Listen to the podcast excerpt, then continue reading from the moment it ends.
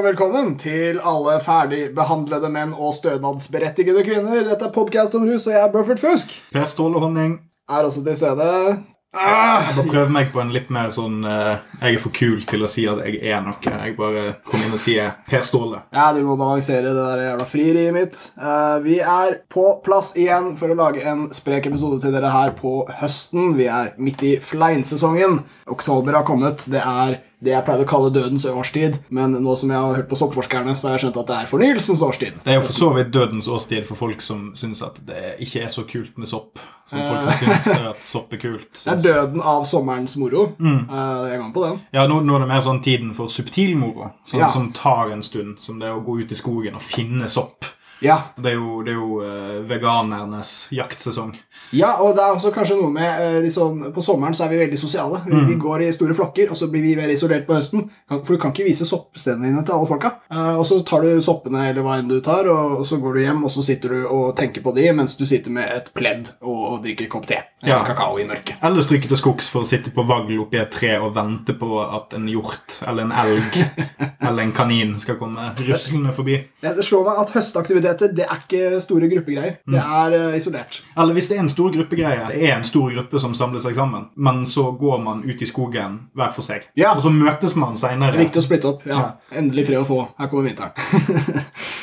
Men før vi gyver løs på dagens episode, så må vi ta en liten PR-runde. Jeg har lyst til å be våre uh, lojale lyttere, og det er så kult at dere fins, om å kanskje spre podkast om rus lite grann. Vi har lyst til å bli større. Kan dere ikke ta og anbefale oss til en eller annen smart og eh, lyttevillig uh, rusinteressert person i deres omgangskrets? Det ville hjulpet oss veldig mye. Det hjelper oss egentlig enda mer om dere pusher det på en litt dum og ikke Ja. så viljesterk person. Nei, det er bedre. Ja, Fordi de, de er mye enklere å overtale. Ja, Hvis du kjenner noen sånne, så, så er det perfekt. Ja, Det- altså, det, og, det, og egentlig så er jo målgruppen vår er jo folk som ikke nødvendigvis kan så mye fra før. ja, det er forstått, sant. De, de som kanskje trenger å være litt mer reflektert rundt egne livsvalg og uh, lytte til uh, folk som kanskje bare vil de godt her i livet. Ja, det er, det er målgruppa vi prøver å nå. Kanskje ikke den vi alltid når, for lytteren har jo dritpeil. Og vi er jo egentlig fornøyd med lyttertallene våre. Det er bare det at uh, det hadde jo vært gøy å kunne i hvert fall samle oss sammen, sånn at vi kunne klart noe mer enn å havne i fengsel dersom vi hadde en sånn ølstuerevolusjon. For eksempel. Og um, vi er fortsatt små, vi er fortsatt ubetalte, vi er fortsatt uavhengige. Og det skal vi fortsette å være, men vi vil gjerne at vi skal komme oss inn i flere ører og påvirke flere hjerner. Det Yes, det hadde, vært fint. Og så får jeg legge til at eh, dette kanskje var dårlige dårlig tidspunkt å be folk om å gjøre det på, siden vi kanskje kommer til å ha et lite opphold i episodene. Men det kommer mest sannsynlig en episode til i oktober, dersom alt går bra. Det bare kommer ikke til å... Om to uker kan det godt hende at vi ikke har en ny episode. Også en uh, side ved det at vi er så jævla frie og uavhengige, føler jeg. Her er det ingen masete person i dress som ber oss putte de ut på den den datoen. Det er vår egen disiplin som er den personlige dress. Ingen penger. Eller dersom vi er veldig sjølkritiske og har tatt på oss dress for anledningen. Det gjør vi jo aldri. Noen ganger vi har dress på oss og kjefter på hverandre. Det er unntaket. Vi kjører på. Vi har masse spennende å snakke om i dag. Eller, det er ikke så mange ting, men vi skal snakke om veldig spennende ting, som at Helfo Høres ikke særlig spennende ut. Helfo er et eh, helseforetak i Norge som drives av Helsedirektoratet, og de gir nordmenn en hel haug med støtte for medisin. Og så er det jo òg et av disse statlige organene som har fått et sånt navn som gjør at du lurer litt på om det er en diagnose eller en etat. Ja, de skal alltid ha sånne korte, hippe navn. Altså, dette pleide å hete Helseøkonomiforvaltningen. Og det er jo det som er deres mandat. Det blir litt så lettere å forstå da. De forvalter årlig om lag 34 milliarder kroner, og de driver med masse forskjellig, stort sett å betale behandlere og etterbetale nordmenn som har betalt for medisin Ja. i ulik grad. Og ikke det det egentlig høres ut som, som er et kurs du kan ta på Oslo OsloMet. Helfo 1001. Ja. Nei, og, og man kan jo kanskje lure seg Hvorfor snakker vi om denne kjempe ikke så veldig spennende gjengen på podcasten om rus? Jo, det er jo da fordi at nå i Norge, siden 2016, så har medisinsk cannabis vært godkjent av Legemiddelverket. Det betyr at det fins lovlige cannabispreparater som pasienter kan bruke. Det er de som er godkjent. Det er de få, som f.eks. et eh, CBD-produkt eller to som har kommet seg gjennom. Disse er da eh, noe man kan få dekket støtte for. Hvis du betaler for det, så kan du få igjen penger av Helfo. Sånn som det er med veldig mange medisiner. Jeg har faktisk et Helfo-kort liggende. 30 cm fra eh, innspillingsutstyret vårt. Eh, Det skyldes egentlig hovedsakelig bare at eh, 20-årene var ganske røffe på meg, så nå kommer, nå kommer det og biter meg i reven. Men heldigvis så har vi Helfo, som gjør at du får frikort. Mm. Selv gode erfaringer med Helfo. Hver gang jeg skulle ta en eh, visdomstann ut av kjeften min, og den måtte da opereres ut, for jeg måtte klippe opp noe tannkjøtt eller noe. Og vips, så ble det mye billigere, fordi en operasjon dekkes nemlig. Tannlege dekkes ikke. Så takk til Helfo for de 2000 spennene jeg fikk igjen der. Ja, for det Eh, at noen tar en hånd inni et hulrom, det er ikke en operasjon. Nei, idet han begynner å klippe, så er det en operasjon. Det lærte jeg. Aha. Eh, Så jeg sa bare klipp hver gang, men det ville han ikke høre på. da. Så jo, eh, Helfo er jævla nyttig å, å ha. De, de refunderer masse masse penger og er en del av den norske velferdsordningen som er bra, og som er vellykket og viktig. Men her er den morsomme nyhetssaken som vi skal snakke om. Helfo har gått ut i media, redelig av dem å gjøre det sjøl, og sagt at de vil avvise alle søknader om refusjon for utgifter for medisinsk cannabis. Og husk at jeg nevnte at noen ting er lov i cannabisverden. Det er de få medisinske produktene. Det her er snakk om planter. Altså folk som drar til Nederland og henter cannabis som medisin via sin fastlege. Det koster masse, masse penger. Det er godkjent fra Helsedirektoratet, men det vil altså Helfo ikke godkjenne. Og den grunnen Helfo legger ned der, det er at de selv skal vurdere dokumentasjonen til denne medisinen. Aha. Altså Og- til medisinen, ikke til eh, personen som har dokumentasjon på at han trenger medisin. Nei, det stemmer. Eh, og det som er veldig fascinerende med denne saken, er at den vurderingen på en måte allerede er gjort av Helsedirektoratet når de ga dette videre til Helfo. Men Helfo har nå sett på dokumentasjonen til medisinsk cannabis, og da er det snakk om hva som, altså effekten som kan dokumenteres og sånne ting. Og de har kommet fram til at siden denne er mangelfull, så vil de avslå alle. Det er jo ganske fascinerende. Da har det jo blitt åpnet for at folk kan søke om dette, og så sier instansen som håndterer søknadene, at dere må gjerne søke, men vi kommer til å avslå alle uansett. Okay. Så på det beste så kan vi i hvert fall si at forvaltningsmessig er dette klønete. Her kommer man til å bruke veldig mye penger på å håndtere søknader som aldri kan gå gjennom. Og jeg føler jo at det her kanskje har litt å gjøre med at det er cannabis vi snakker om, da. Ja, det er, jo, det er jo ikke helt unaturlig å gå i den retningen, Watson. Ja, nei, eh, det er elementært. Og det er kort fortalt så er jo dette staten som krangler med staten om den og den medisinen er grei, og så er det en hel haug med pasienter som blir lidende. Og det, de betaler altfor mye penger. Det burde ikke være dyrt for medisin i Norge der det skal være gratis. Altså, dette gjør at rike folk slipper unna, og fattige folk ikke får medisinen de trenger. Bildet jeg får litt i hodet nå, er jo at Helfo er vel mer byråkratisk. Altså Det er mer folk som bare er statlig ansatte. De er ikke politisk valgt. Og de er underlagt Helsedirektoratet, som har skiftende ledelse etter hvem som har vunnet valget. Så Ja, nå det er ja, og nå har vi hatt en helseminister som har vært veldig på glid på disse tingene en stund, og det, disse endringene har skjedd under det nåværende regimet. Ja. Det bildet som dukker litt opp i hodet mitt nå, er jo det at Ompa-Lompaene nå sitter og skal fortelle Willy Wonka hvordan sjokoladefabrikken skal drives. Ja, ja, det vil jeg si. Men så innser jeg òg at uh, den boken ble skrevet under litt andre kulturelle forutsetninger. i dag, Så vennligst ikke les inn casual rasisme eller sånne ting inni inn i det. Nei, jeg syns den holder mål, den eh, metaforen der. Altså. Så det, er, eh, det, det som er lett å kritisere, var dette jeg nevnte med at vi bruker penger på å behandle ting. Alle ting som er offentlige, drives av store summer. Og med en gang vi lager noe som på en måte er en umulighet, sånn som her, så har vi da sagt at nå skal vi bruke masse penger på ingenting. Det er en veldig lett ting å kritisere. Men en annen ting som er irriterende, som igjen er en slags sånn der, typisk at cannabis blir så jævlig motarbeida ass-stemning, det er jo at her har jo regjeringen i form av Helsedirektoratet åpnet for refusjon for cannabis som legemiddel. Og så sier da Helfo at det ikke vil eh, godkjennes, noen av disse søknadene. Så da er vi tilbake til den situasjonen vi hadde før Helsedirektoratet sa det var greit.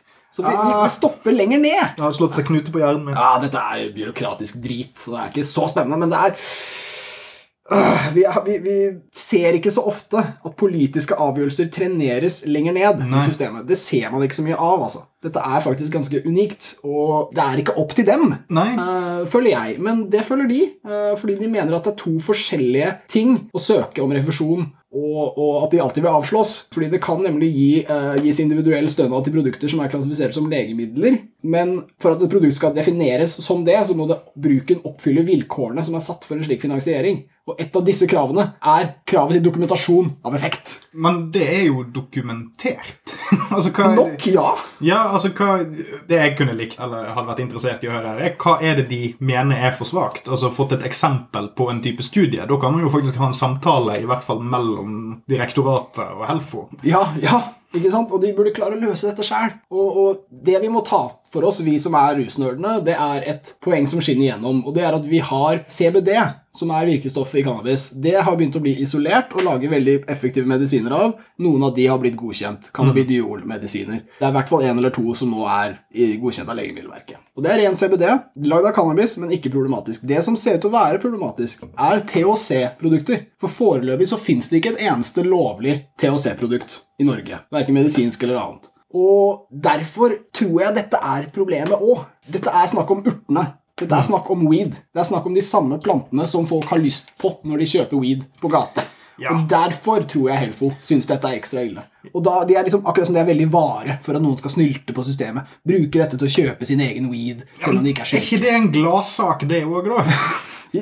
For meg, så. Ja, altså, Om en eller annen fyr har bestemt seg for at istedenfor å gå ned på Grønland og kjøpe seg eh, hva enn skitt fra en eller annen skittig fyr på et hjørne, så har han gått gjennom et helvetes sirkus med å få resept fra legen og reise til Nederland, få økologisk fair trade-hasj fra en sånn skikkelig, skikkelig internasjonalt anlagt eh, Amsterdam hipster weedshop-fyr. Og så reise tilbake igjen hit, og så sitte og fyre seg opp en uh, feit joint og si haha, der lurte jeg jammen meg systemet. Så vet jeg egentlig ikke om han har lurt systemet.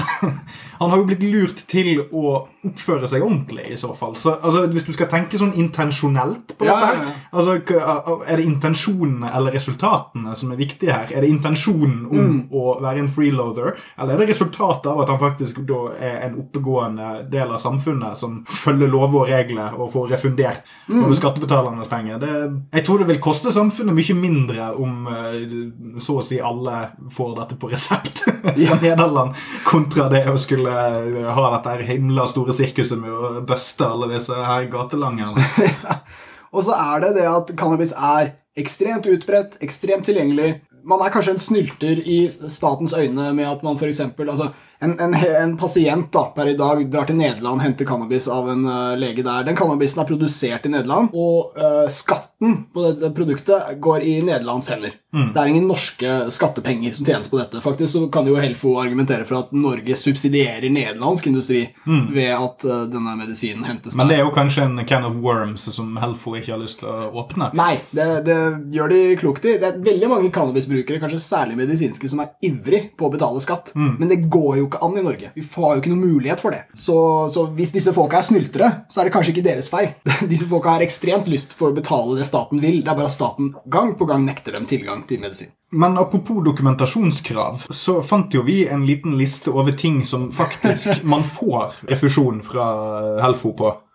Som tydeligvis da er nok, eller godt nok dokumentert Ja. ut ifra Helfo sine vurderinger. I motsetning til medisinsk cannabis, som har ekstrem spredning over hele verden. Ja, For eksempel så kan du få engangsbidrag fra Helfo til å dekke utgifter til elektrisk brystpumpe. Ja! For eksempel. Elektrisk brystpumpe, helt greit. Og Helt igjen, greit. som en person som i hvert fall ikke har spesielt overutviklede bryster, Mm. så eh, vil jeg jo tenke at ja, det høres litt latterlig ut, men man kan jo se for seg at hvis du er en enarmet person eller Mm. et eller annet Ja, ja, det kan foreligge dokumentasjon, men det høres ut som du kunne klart deg med en helt vanlig brystpumpe òg. Ja, mulig. Og at du ikke trenger å gå full Tine Meieriet på dette.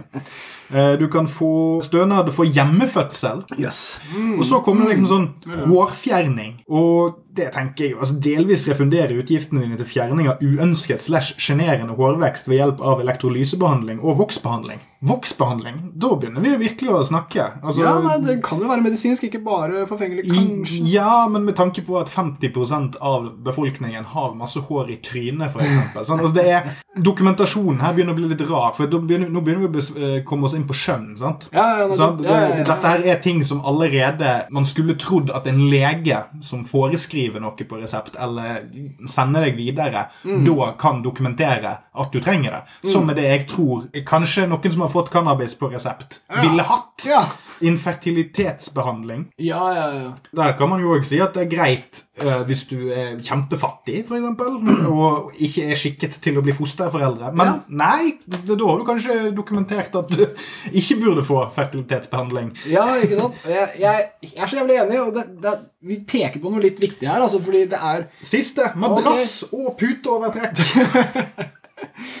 Det, det, det er kurant. Jeg er sikker på at det fins spesifikke tilfeller der slikt bør godkjennes. Så Derfor er det veldig viktig at man har en åpning for det, slik at man kan individuelt bedømme de innenfor den søkergruppen der. Og Derfor er det også kanskje litt viktig å ha det med weed, da. Siden disse pasientene alle er veldig forskjellige. Siden alle grunner til å bruke weed er like forskjellige som folka som søker. Det er kategorisk utestengning av cannabismedisinbrukere. Helt på siden, helt uh, separat fra disse andre stønadsordningene, hvor alt handler om hvem det er, hvilke behov denne personen har. Nei, cannabis generelt, ifølge dokumentasjonen, slik Helfo tolker den, kan ikke hjelpe noen Nei, nok til at de gidder. Så stor uh, ukens kaktus yeah. uh, til Helfo. Faen i helvete, altså. Dette er, en ting er at dere ikke hører på sjefene deres, og at hodet burde rulle på det, men er, er Norge så isolert i verden at vi seriøst tror at cannabis ikke har noe form for dokumentert medisinsk effekt, når hele fucking verden legaliserer dette i samtid, begynte for ti år siden, og vi fortsatt bare Vi, vi har ikke fått de tallene opp til fucking berget i nord, eller? Jeg blir litt provosert. Ja. Ja. Så ukas peyote-kaktus går til Helfo. En uten P8 med mye kjipere stoff oppi. En sånn giftkaktus fins det. Ja, men vi har jo masse flere punkter på listen vår her for dagens aktuelle tema. Det har vi, og nå har vi jo allerede bitcha på Helfo, som er en forlengelse av regjeringen. Og nå skal jeg gjøre noe vi aldri har gjort før, og det er å skryte av regjeringen. Oi, oi. Ja, det går an å bli stolt en sjelden gang også av eh, regjeringens arbeid. Det er stort sett på saker som ikke får så mye oppmerksomhet, har jeg lagt merke til. Og det gjør det da heller ikke denne. Nemlig det at Norge har blitt invitert av USA til å være med på deres eh, nyeste FN-møte om narkotikapolitikk. Og det skal være mange FN-møter, så det er viktig å understreke her at Norge må prioritere. Det er eh, visstnok slik at vi vil ikke delta på narkotikapolitisk konferanse, men vi prioriterer faktisk hav. Fordi det finnes en havkonferanse, eh, som Erna, Erna statsminister eh, Sindre. Finnes. Som hun heller vil gå på, og, og hav er kanskje viktigere for Norge. Og det er jeg enig i. Men det som er kult her, er at USA, i dette tilfellet med den narkopolitiske konferansen eh, via FN Dette er også et bilde på hvordan USA styrer FN på narkotika. De krever at alle land som skal delta, må skrive under på slutterklæringen. Og det er eh, Hvordan kan de det? Det synes jeg syns jeg også er veldig udemokratisk og underlig som krav. Men det som er det fine fra vår utenriksminister Ine Eriksen Søreide, det er at hun sier at dette er ikke forenlig med regjeringens linje. Yay! Og det er fordi vi skal ha rusreform i Norge. Hurra! Så der valgte faktisk regjeringen å, for å mele sin egen kake, en god kake, en ruskake, å, stå på sitt og rett og slett velge å, å spille under symbolet at vi i Norge tenker litt eh, fremover på rus. Og hun kritiserte USA for å ha litt lite fokus på helseaspektene ved rus, og da ble jeg stolt. Dæven, dette er bra. Takk, regjeringen. Skulle bare mangle. Likevel imponert. Igjen, det er jo Med tanke på hvor stor forskjell det er mellom statlig og føderal eh, Ja. attitude mot eh, f.eks. hasj i USA Ja. i dag, så er det jo veldig veldig lurt å ikke binde seg opp før en konferanse begynner, til å skulle si seg enig med hva den der rablende galne bavianen får seg til å si. Ja, og, og apropos denne bavianen og dette kravet om denne slutterklæringen og at den skal undertegnes og sånn, det er veldig underlig at på det føderale nivået i USA så fortsatt så står definisjonen om at cannabis har ingen medisinsk effekt.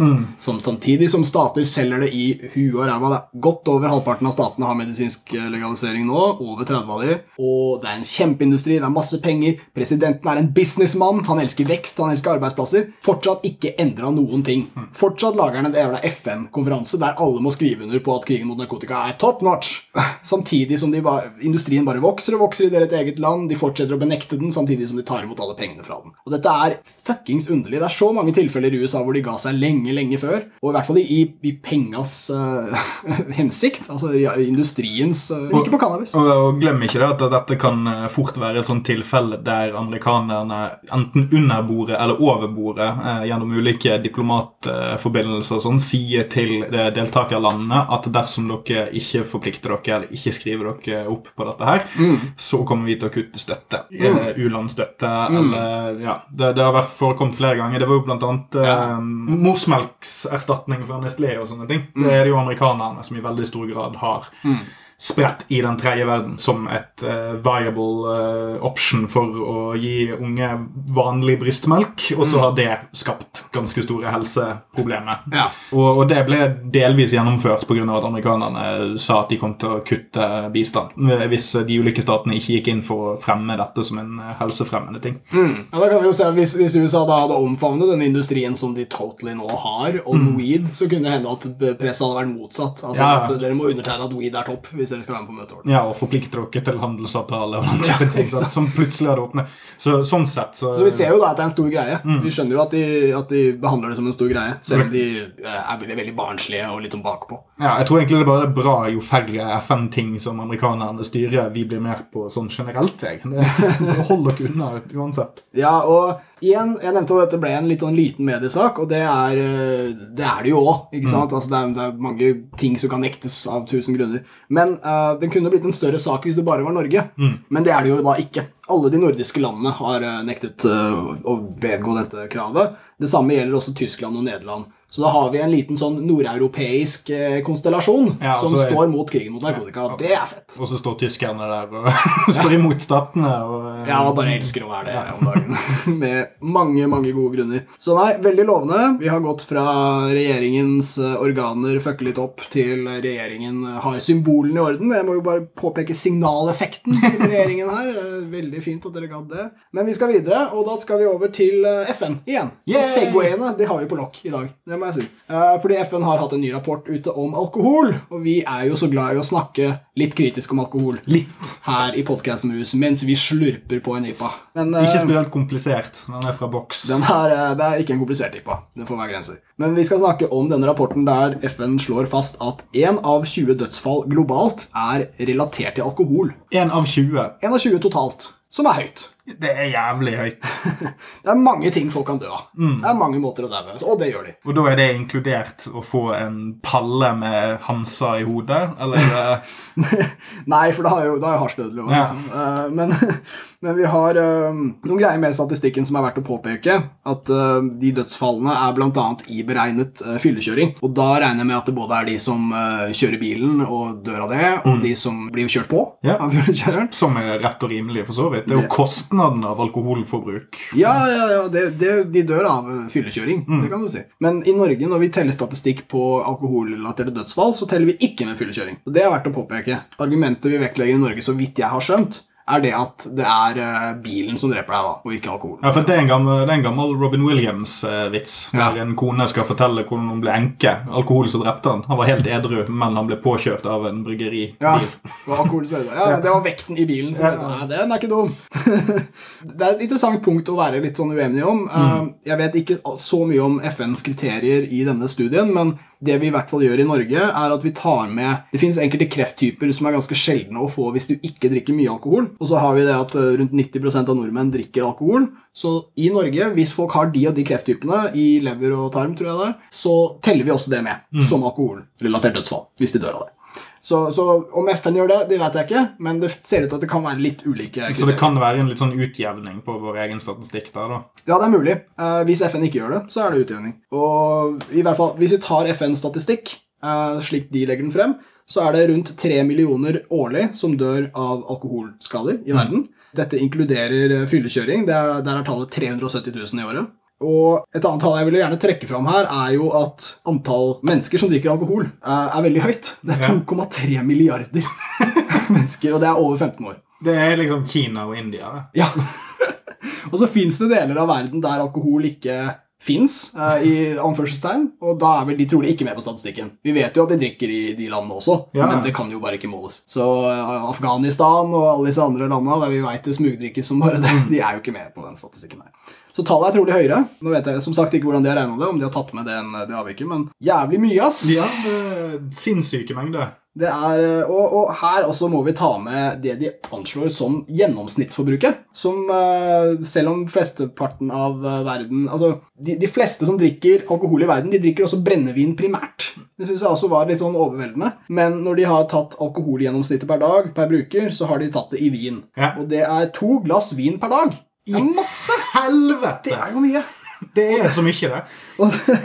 Det er så mye at eh, jeg sliter med å I snitt. Altså, og det er per, innbygg, per 7 milliarder innbyggere. Ja, altså, Eller er det per, per av de 2,5? Ja, er de 2,3, da. Ja. Så, så drikker de to, snitt, Ja. to glass vin per dag i snitt. I snitt. Ja. Og da må vi jo regne med at det er noen som drikker jævlig mye mer enn det per dag. Ja, fordi det, er jo trolig langt flere som drikker under. Så noen drar det opp. Sånn røff eh, beregning av min egen, mitt eget alkoholforbruk omregulert til vin, så tror jeg at jeg ligger under det i snitt. Ja, ja, Og jeg ser ikke på meg sjøl som uh, noen avholdsmann langt derifra. Nei, jeg er også en eh, tørst fyr, men ligger solid under. Ja. Uh, men husk også toleranse er en magisk ting, så når du snakker om antall enheter en ordentlig alkis kan klare å drikke, så Mm. er det veldig mye. Det er muligheter for å trekke dette veldig opp. Uh, men, men her hadde jeg også lyst til å nevne et argument som stadig blir uh, nevnt av vår uh, venneforening i Norsk Narkotikapolitiforening.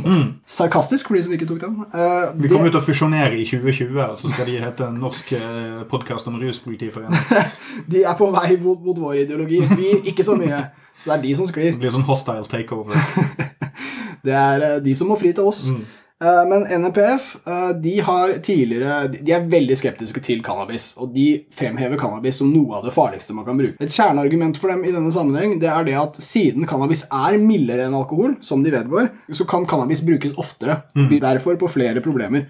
Eh, Så folk som bruker cannabis, eh, ifølge NPF, de bruker det kanskje lite grann, så opplever de det som mildt, de blir ikke fyllesyke, og så fortsetter de å bruke det, øker frekvensen. Til slutt så røyker du hver dag, til slutt er du avhengig av hasj, til slutt har du isolert deg, til slutt et eller annet, går over på hardere stoffer, osv. Derfor er cannabis ekstra farlig, derfor må vi virkelig ta tak i cannabis. Men eh, så kommer FN da med disse tallene om at snittet er to vinglass per dag, og det ser da veldig ut til at alkohol er en farlig substans som kan brukes, eh, og bruke det samme argumentet på, kanskje. Ja, for en person som drikker to glass vin hver dag, har jo ikke noe problem med å fungere. Det, kommer du hjem og tar et glass vin til middagen og et glass vin før du legger deg, det påvirker ikke evnen din til å bidra i det hele tatt. Nei, trolig ikke noe særlig utslag på, på det.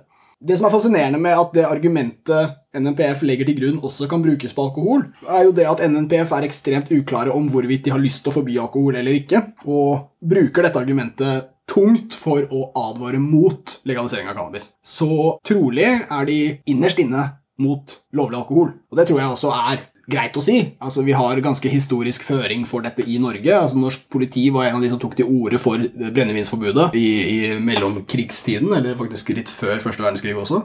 Og øh, når brennevinsforbudet falt, så har ikke politiet sagt noe særlig mer om det etter det. Eh, Men vi kan jo anta at de holdningene forblir. Det vil jeg tro de gjør, fordi hvis du er politimann og jobber en helg i en by eller et tettsted i Norge, så er det alkohol du driver med. Det er hovedjobben du har å håndtere. Eh, Vi vet også at eh, politiet er som alle andre innbyggere i Norge, så de er veldig glad i å drikke. På deres fester så tar det helt av med drikking, og det er jo ordinært. Så ingen skam i det. Men uh, dette NRPF cannabis-argumentet må bare legges rett i grava. Dette er åpenbart tøvete. Det at et rusmiddel er mildt, gjør det ikke farligere. Det er at det er sterkt som gjør det farligere. Og det at vi får egne problemstillinger knyttet til at et rusmiddel er mildt, det er problemstillinger som er veldig mye lettere å håndtere enn om folk tar et hardt stoff hver dag. Som alkohol. Men så har vi jo en sak helt til slutt. En liten sånn agurknytt-ting nå når agurkene dør og soppen tar over. Ja, Fordi det er jo ikke ofte vi egentlig havner på agurknytt-siden av nyhetsbildet, siden det er så alvorlige ting vi snakker om. Men vi var jo inne på narkotikalovgivning i USA og FN nå tidligere. Og eh, nå kommer det en liten sånn eh, gladsak fra The Guardian eh, som eh, vi eh, gjerne tolker litt annerledes enn kanskje både produsentene av saken og eh, produsentene av hummerne. Vi skal snakke om hummer er jo veldig i vinden for tiden, med tanke på at Jordan Peterson mener at som er den nye intellektuelle som all, alle menn under 40 sverger til for tiden, som mener at eh, mennesket er som hummer. Eller mennesket ligner i hvert fall på hummer dersom du fjerner absolutt alt som gjør hummer til hummer og menneske til menneske, og så sammenligner du det som er igjen. Shit, ass.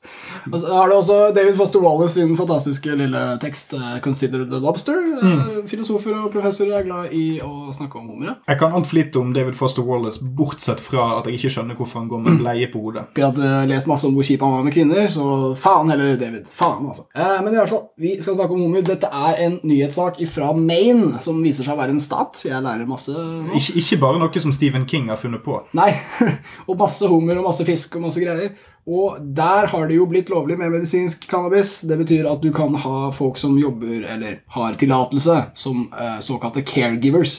Det er folk som har, så vidt jeg har skjønt, eh, muligheten til å ikke bare få medisinsk cannabis til seg selv, men også til å kunne dele det med folk som trenger det. Uh, og da er det ofte Eller krepsdyr. som eller krepsdyr, fordi her er jo da en restaurant hvor hun som driver restauranten, har denne tillatelsen. Og hun har brukt dette til å blåse weed-røyk på hummer før de kokes. Eh, eh, Og jeg, ja. ja, altså jeg, jeg har jo rantet om sånn eh, artisan-hasjing før, eh, men, men dette er en sånn helt unik type idioti som jeg ikke helt klarer å slippe fra. For det, det jeg kunne skjønt, var om det var sånn at de, de hadde en sånn tilberedningsmåte der de smørdampet det i cannabisrøyk. ja, Det, det, det, ja. det kunne du klart å vri ut en eller annen slags sånn herre sånn, uh, så Ja. Du kan kjenne hvilken dal i Øst-Dakota de har eh, grodd denne planten Ja, inni ja. De henger den opp og røyker den under et bål av weed eller noe sånt. Ja, over, altså, hadde vært piss da òg, men altså, når du står med en joint og blåser på hummeret før du koker de, for det på et eller annet slags vis skal være dyrevelferd Det er en sånn, er sånn 2018 bare kokt ned en, i en sånn hummerbroth. Og dette er jo et symbol på at selv om man eh, regulerer cannabis, eh, i denne forstand medisinsk, eh, så trenger man også litt mer sånn sosial regulering. Du Ja. trenger litt sånn, Folk trenger noen guidelines, du trenger noe litt sånn oppfølging på hvordan det her skal brukes. For det kan se ut til at det er altså, Først og fremst, det å koke hummere levende er helt vilt dyremishandling. Det er, det er kjempebrutalt. Eh, Hvis du ser det, så blir du trist og lei deg. Det er, det er vondt å se på. Det er masse smerte for denne hummeren. Helt åpenbart. Og så har du en stat der medisinsk weed er utbredt, og sikkert veldig mange som later som de er sjuke for å få det. Og sånne ting. Og så kan det hende at ut fra artikkelen kan det hintes litt om at kundene har ønsket seg dette. Hummeren? Nei, Nei, nei. Langt ifra. De som skal spise denne torturerte hummeren, de syns litt synd på den, og så har de kanskje håpet at det blir noe weed. Eller hvem som starta det, det veit jeg ikke, men kundene likte det. Og så, så fortsetter denne idiotiske trenden, da, hvor man liksom blåser. Og det er helt usikkert om det har noen effekt på både hodet til denne hummeren og hvorvidt kjøttet smaker annerledes, og alt er tullete. Og det, La meg bare påpeke to ganske åpenbare ting her. Hummere har ikke lunge. Og de har ikke hud. De har skall. Hvor i helvete er det dette skal tas opp? øynene Ja, Hvor mye må du blåses passiv cannabisrøyk på en hummer for at det skal ta effekt? Og hvordan måler du smerten? Hvordan hvor, ah! Det finnes egne måter å kverke Det er noe med å ta en sånn spiker og så en hammer, og så knerter du dem før du koker dem. Det er et eller annet sånt de driver og jobber med for, for krabbe- og hummerkoking og sånn. Men altså, jeg tenker, hvis du har lyst til å spise etisk krepsdyr og skalldyr, så må du nå faen meg Kan du ikke bare drite i å spise det, da? Istedenfor å insistere på at hobbyen din med å røyke deg stein og spise sjømat må på død og liv kombineres med at det skal være dyrevelferd.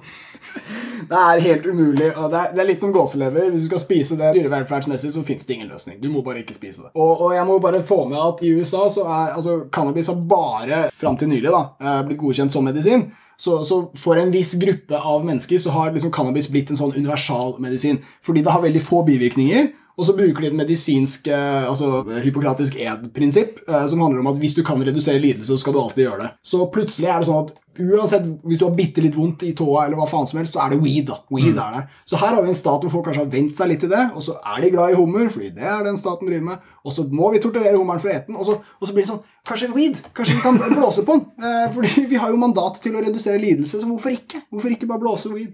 Og derfor må jeg bare avslutte med litt sånn som eh, artikkelen avsluttes, eh, hvor myndighetene må faktisk ta et jævla tak i dette, de må ta stilling. Og da sier uh, leder av Maines Medical Marijuana Program at uh, medical marijuana may only be grown for and provided to persons with marijuana recommendation from a qualified medical provider.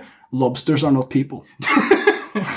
Åh, Den debatten kunne jeg tenkt meg å sett mellom Jordan Peterson og lederen for medisinsk marihuana-boarden. Og og, Lobsters are not people. Og nå setter vi over til Jordan Peterson, som skal ta tak i dette.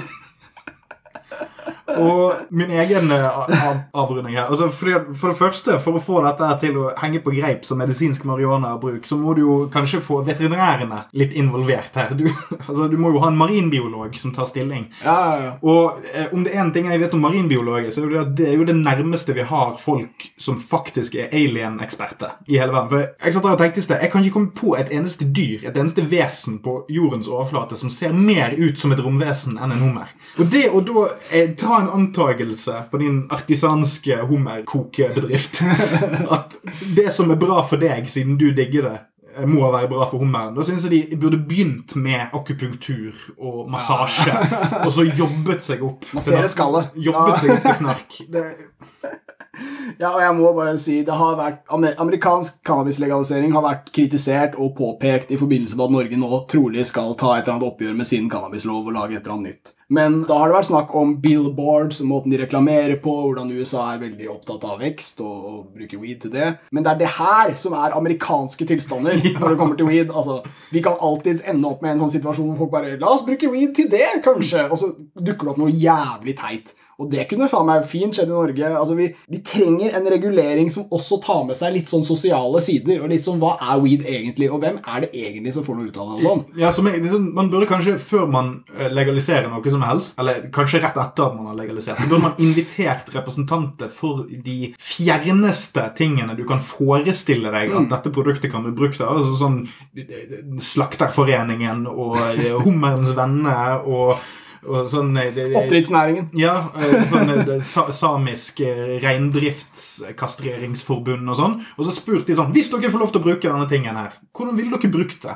Og så tar du alle svarene de gir, og så sier du nei, dette får ikke dere lov til å gjøre før vi får dokumentert det med forskning. Er det spørsmål fra oppdrettsnæringen? Nei, du kan ikke blåse weed på laksen. ok? Det vil ikke bli bra laks. Pornobransjen, vi vil blåse weed på laksen. Ok! Under tvil. Ikke et sexdrug. God damn it. Nei, Uh, Nå er det på tide å runde av. det er det definitivt. Uh, Og jeg tror dette er et sånt tilfelle der vi egentlig ikke trenger noe avrusning. For jeg føler vi, vi har holdt oss uh, kliniske nok til Vi har holdt oss reine. Ja, jeg føler det samme. Segwayene var veldig sterke, disse overgangene. Det henger sammen. Så ja, nei eh, Hvis jeg skal ta en megakjapp avrusning, så er det at vi har eh, disse Helfo som krangler med regjeringen. Vi har skrytt av regjeringen som krangler med USA. Og FN. Og vi har ikke skrytt av FN, men eh, sagt noe pent om deres rapport, som eh, i- på, i hvert fall er interessant, eh, som handler om alkohol. Og så til slutt så måtte vi bare ta med crazy ass weed shit fra USA. Fordi gud bedre. De er crazy. Så spis gjerne hummer når du er stein. Ja, altså Hvis du kan deale med at de stort sett tortureres. Det må du. Ikke, ikke ta fleinsopp og koke en hummer. Det tror jeg eh, vil være en dårlig avgjørelse. Da spiser du ikke så mye hummer etterpå, kanskje. Nei. Nei. Så husk at eh, dyrevelferd og weed eh, kanskje henger hå- hånd i hånd også. eh, så lenge du klarer å liksom huske at eh, noen dyr tortureres, eh, tross alt. Ja, Så lik og del podkasten, folkens. Gjør det! Og så snakkes vi i slutten av oktober. Dere merker vi trenger det. Vi snakkes.